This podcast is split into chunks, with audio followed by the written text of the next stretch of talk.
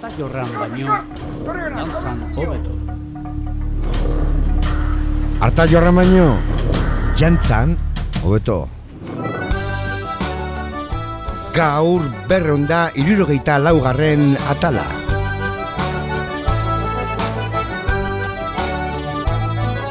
Baratzeko pikoak... Eta hemen txegabiltza ba, Bilbo iria irratiko basterrak nazten, Josu Zabala eta Isidro Elge Zabal, Zabal Zabalak garagu, harta jorran baino jantzan hobeto saioan. Euskal musikaren lubakia, pim pum, Bilbo iria irratian. FM kolarago itamasi puntu zeroan aurkituko gaituzue eta bilboiria.eus atarian. Entzungai gaude baita arrosa zarean eta honen bitxartez Euskal Herriko zenbait irratitan. Zuoi guztioi ere agur bero. Baratzeko pikoak hiru txorten ditu. Azkenengo asteotan monografikoekin gabiltza PLT eta dutenak izan ditugu hemen. Gaur larogeita marreko amarkadara bueltatuko gara berriro latzen heavy metal taldearekin. Euskal heavy metalean ezinbesteko erreferentzia.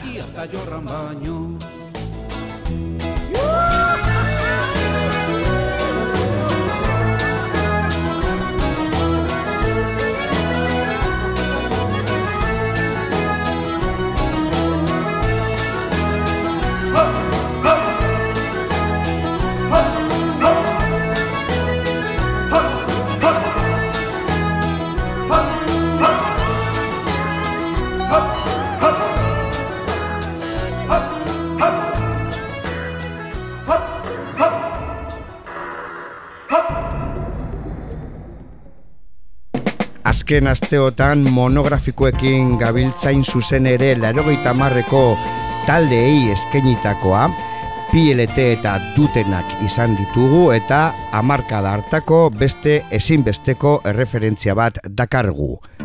Latzen.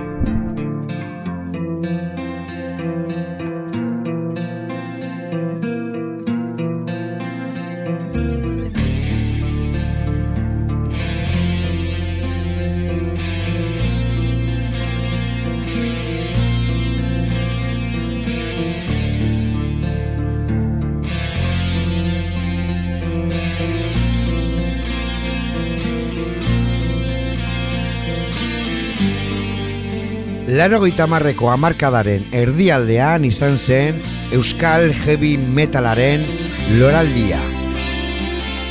Oñatin latzen taldea sortu zen mila bederatzireun eta larogeita amairuan. Larogeita amabostean eriotzari deika izeneko maketa kaleratu zuten eta urte horretan bertan irabazi zuten Euskadi Gaztea maketa lehiaketa. Larogeita emeretzian taldea desegin egin zen eta 2000 eta zazpian berriro ere batu egin ziren Euskal Herrian zehar kontzertu bira egiteko.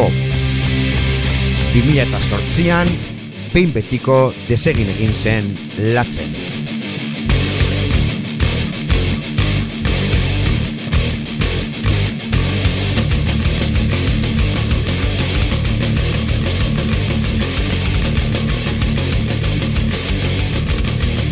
Gazte-gazterik hasi ziren musika egiten eta boloak ugaritu ala, Carlos Kreatorren estudioan grabatu zuten lehenengo maketa, eriotzari deika izenekoa. Larogeita bosteko Euskadi Gaztea maketa lehiaketako entzuleen saria eskuratu zuten.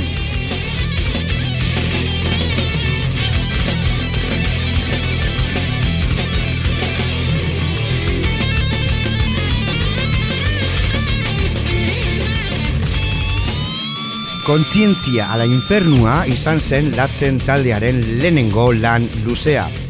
Oiuka diskoetxearekin egin zuten. Latzenen lehenengo lan luze honek metal arloan dauden joera desberdinak jasotzen ditu. Kanta askarrak, pisutsuak, gogorrak eta melodiaz betetakoak. Tonu epiko, metalzale eta jebiak erabiltzen zituzten.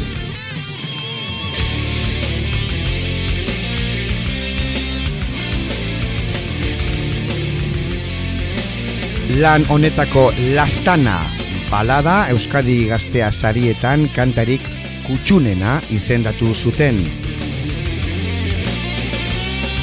Bigarren estudioko lan luzea larogeita amazortzian etorri zen, ardi larruz.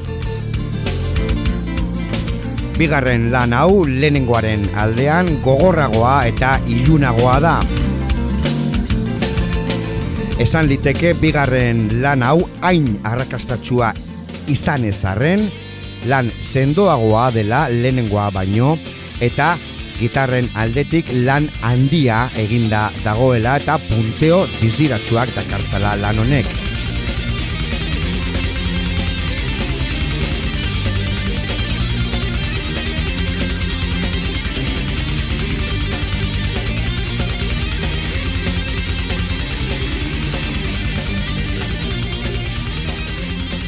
bigarren lan honen aurkezpen biraren ondoren, larogeita emeretzian, latzen taldea desegin egin zen.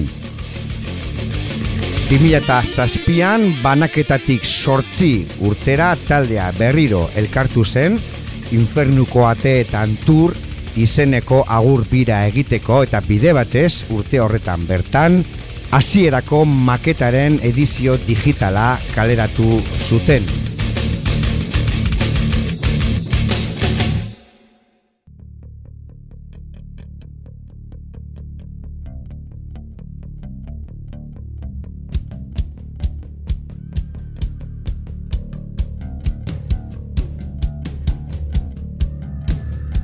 Larogeita amairuan, Gorka Laskano, Jose Maria Azpitarte, Aitor Uriarte eta Iker Martínez de Suaso elkartu egin ziren lokalean talde bat osatzeko.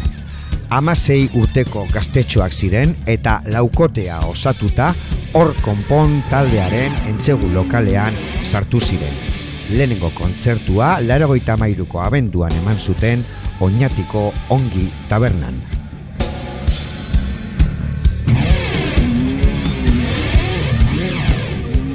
Laragoita bostean lehenengo maketa atera zuten, eriotzari deika izenekoa. Zei abestiko maketa honek sekulako arrakasta izan zuen gazteen artean. Oso denbora gutxian, 2000 bat ale saldu zituzten. Hori ez ezik, latzen laukoteak Euskadi gaztea maketa lehiaketaren entzuleen saria eskuratu zuen. Urte horretan bertan, epaimaiaren saria pieletek lortu zuen eta latzenek egin txotx lehiaketa ere irabazi egin zuen. Oiuka diskoetxearen arreta piztu eta lehenengo diskoa grabatzeko aukera sortu zitzaien. Larogeita amaseian heldu zen kontzientziala infernua latzenen lehenengo lan luzea. Pat gehiago, iesa ies, edota zein gozu bezalako kantuak, amekatxo aldiz entzun ziren Euskal Herriko irratietan. Baina gaiendu egin zana benetan lastana balada izan zen, gaur egunean gure errepertorioko klasikoa.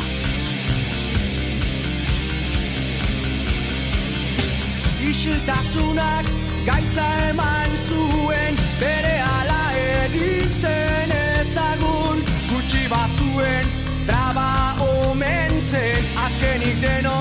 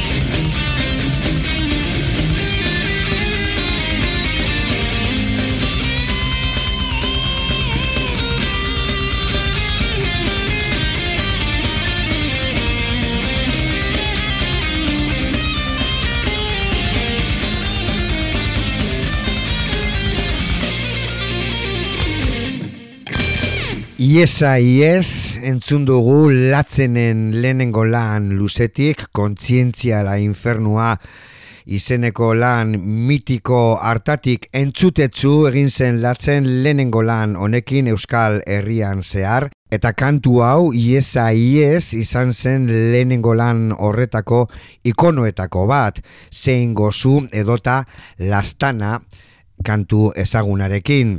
Balio du kantu honek eh, irudikatzeko sasoi ura, Larogeita bostean gaude eta gogoratu hamarkada bat aurrerago, Larogeita bostean gutxi gora bera agertu zirela lehenengo ies kasuak mundu osoan.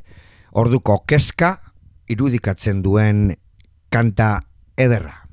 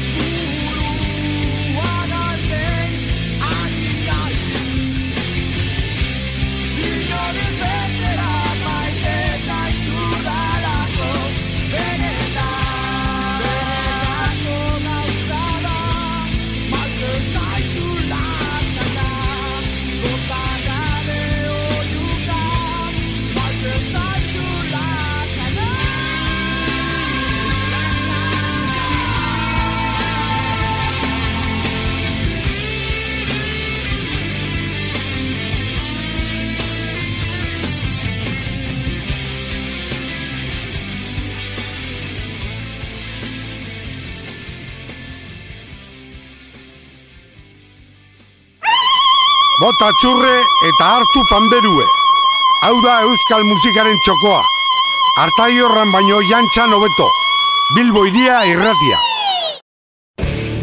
Hauxe duzue hartai horran baino jantzan hobeto saioa FM kolaragi an eta bilboiria.eus atarien aurkituko gaituzue. Arroza zareari esker entzungai gaituzue Euskal Herriko hainbat irratitan. Gaur, latzen talde oinatiarrak gogoratzen gabiltza.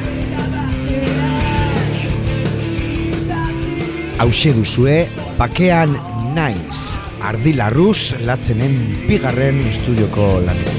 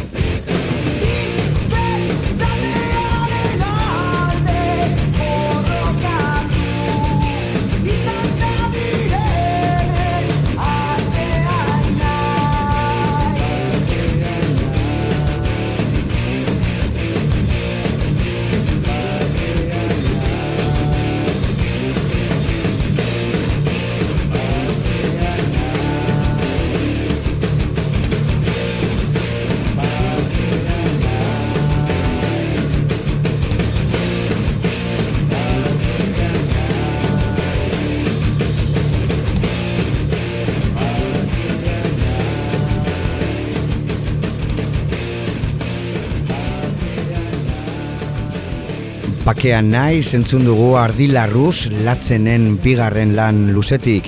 Lan hau laragoita amazortzian atera zen eta lehenengoan bezala Jan Foka izan zen teknikari, soinu teknikari, eta lehenengoan ez bezala, kaki arkarazo, e, ibili zen produktore, lehenengoan ez bezala, ordukoan Carlos Krator izan zen. Eta bigarren lan horretan, latzenen soinua ilundu egin zen, gordinago egin zen, hori ere isladatzen du azalak, bertan animaliak hiltzeko kakoa eta ardilarrua e, ageri dira.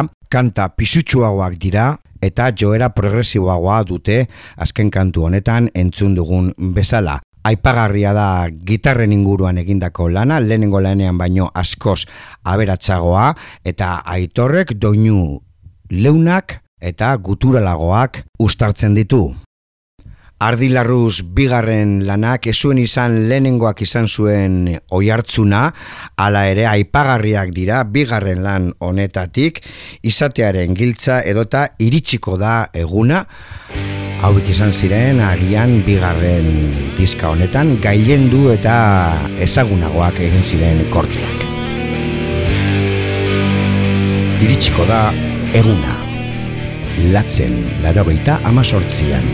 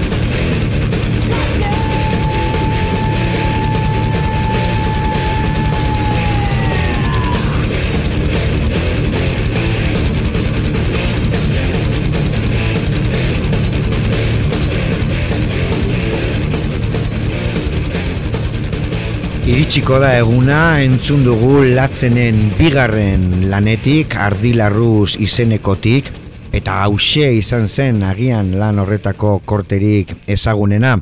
Esan dugu lan horren aurkezpen biraren ondoren taldea desegin egin zela eta 2000 eta zazpirarte itxaron behar izan gendun berriro edizio digitalean latzenen lehenengo maketa, laro mairukoa, Carlos Kerratorrekin grabatutakoa, 2006an kaleratu zuten esan bezala edizio digitalean eta horrekin batera, Euskal Herrian zehar bira egin zuten eta 2008an aterako zen kompaktu DVD-an bilduta utzi zuten Helmuga izeneko lanean.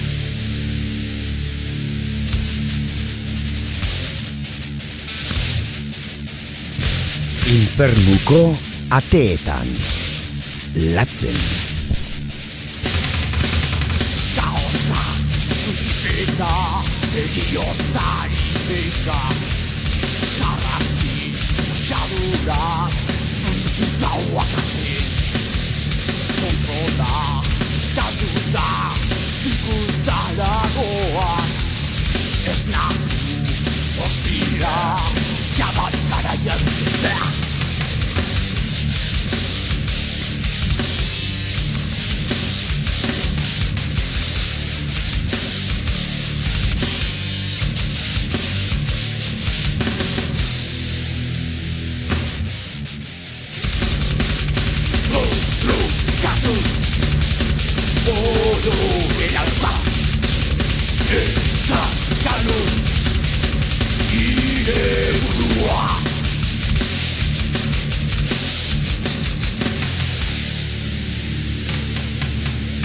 Ya ni polía su adiurdice Misa ni porría Guste veracea Colores y siá juntos digoa Parte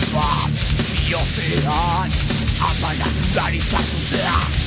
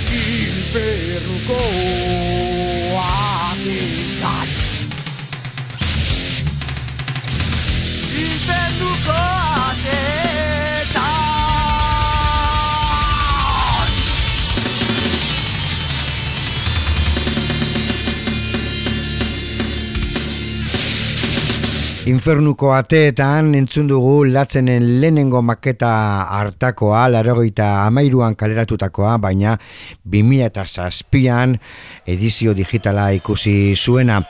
Eta gogoratu dugu nola latzenek 2008an esan zuen behin betiko agur, eta agur hori bilduta utzi zuela Helmuga izeneko lanean, kompaktu DVD-an, zuzenean grabatutakoa, eskoriatzan, eta intro eta bat gehiago kortearekin utziko zaituztegu. Gaur gurekin latzen izan dugu. Euskal heavy metalaren ezinbesteko erreferentzia zutagarrekin batera.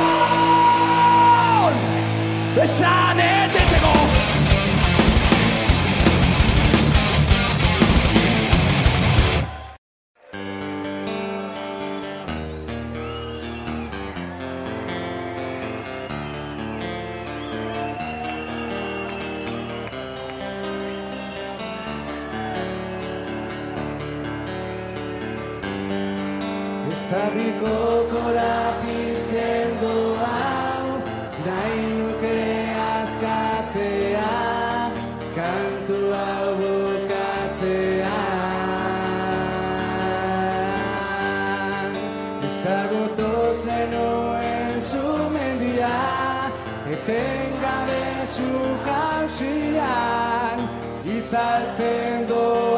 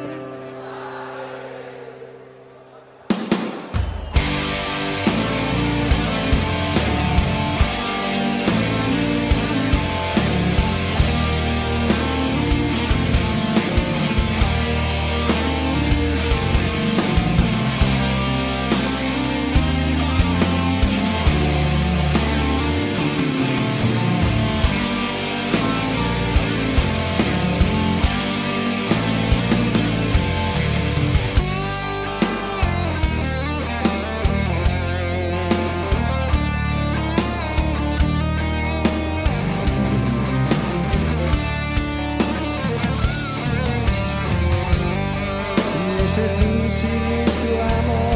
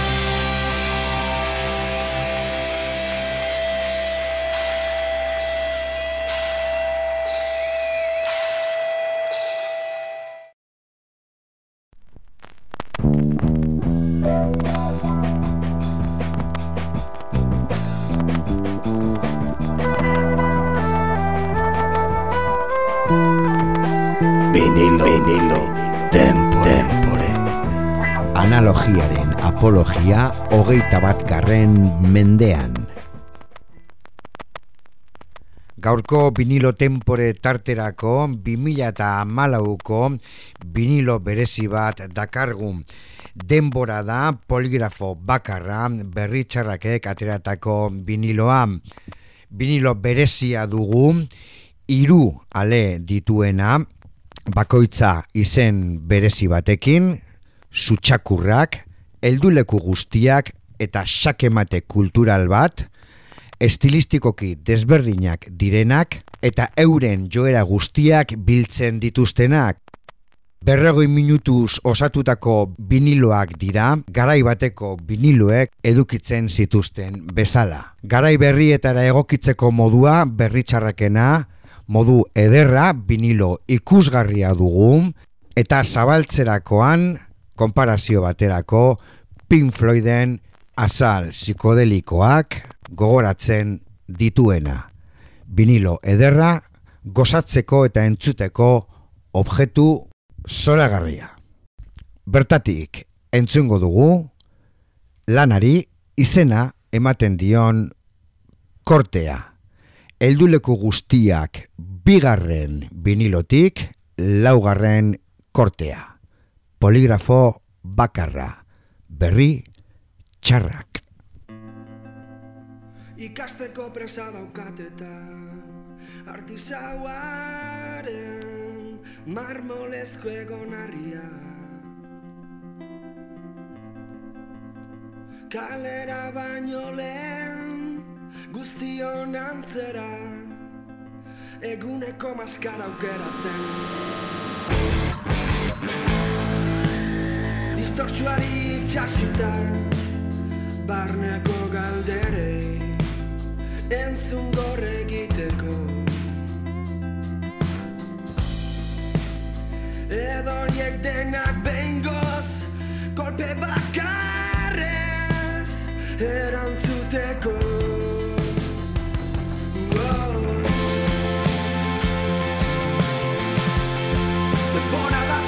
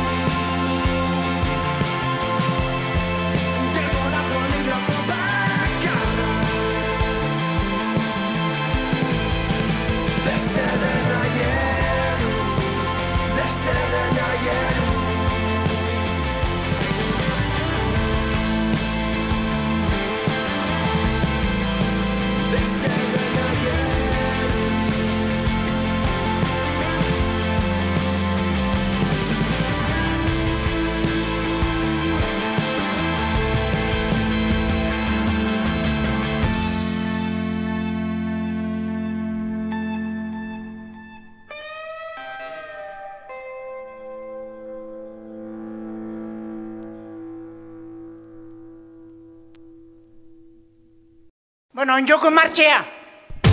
Lagunok, gure Mauriziak dinon modun, martxea joku eta pagoaz. Latzenen dezibelioek txikitu dizkigute gaur belarriak, Larogeita marreko amarkada gogoratu dugu, Euskal Heavy Metalaren loraldia, eta urrengo astean kantu eta kontu berriekin etorriko gara. Bitxartean, zoriontzu izan. FM kolaragoita an gaude eta bilboiria.eus atarian. Bertan saioak deskargatzeko prest.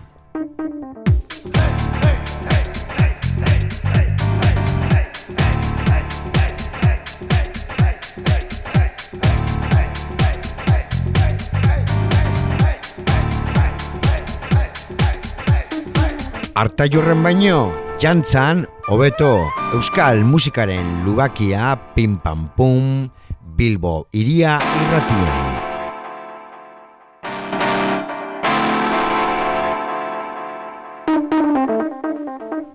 Musubana.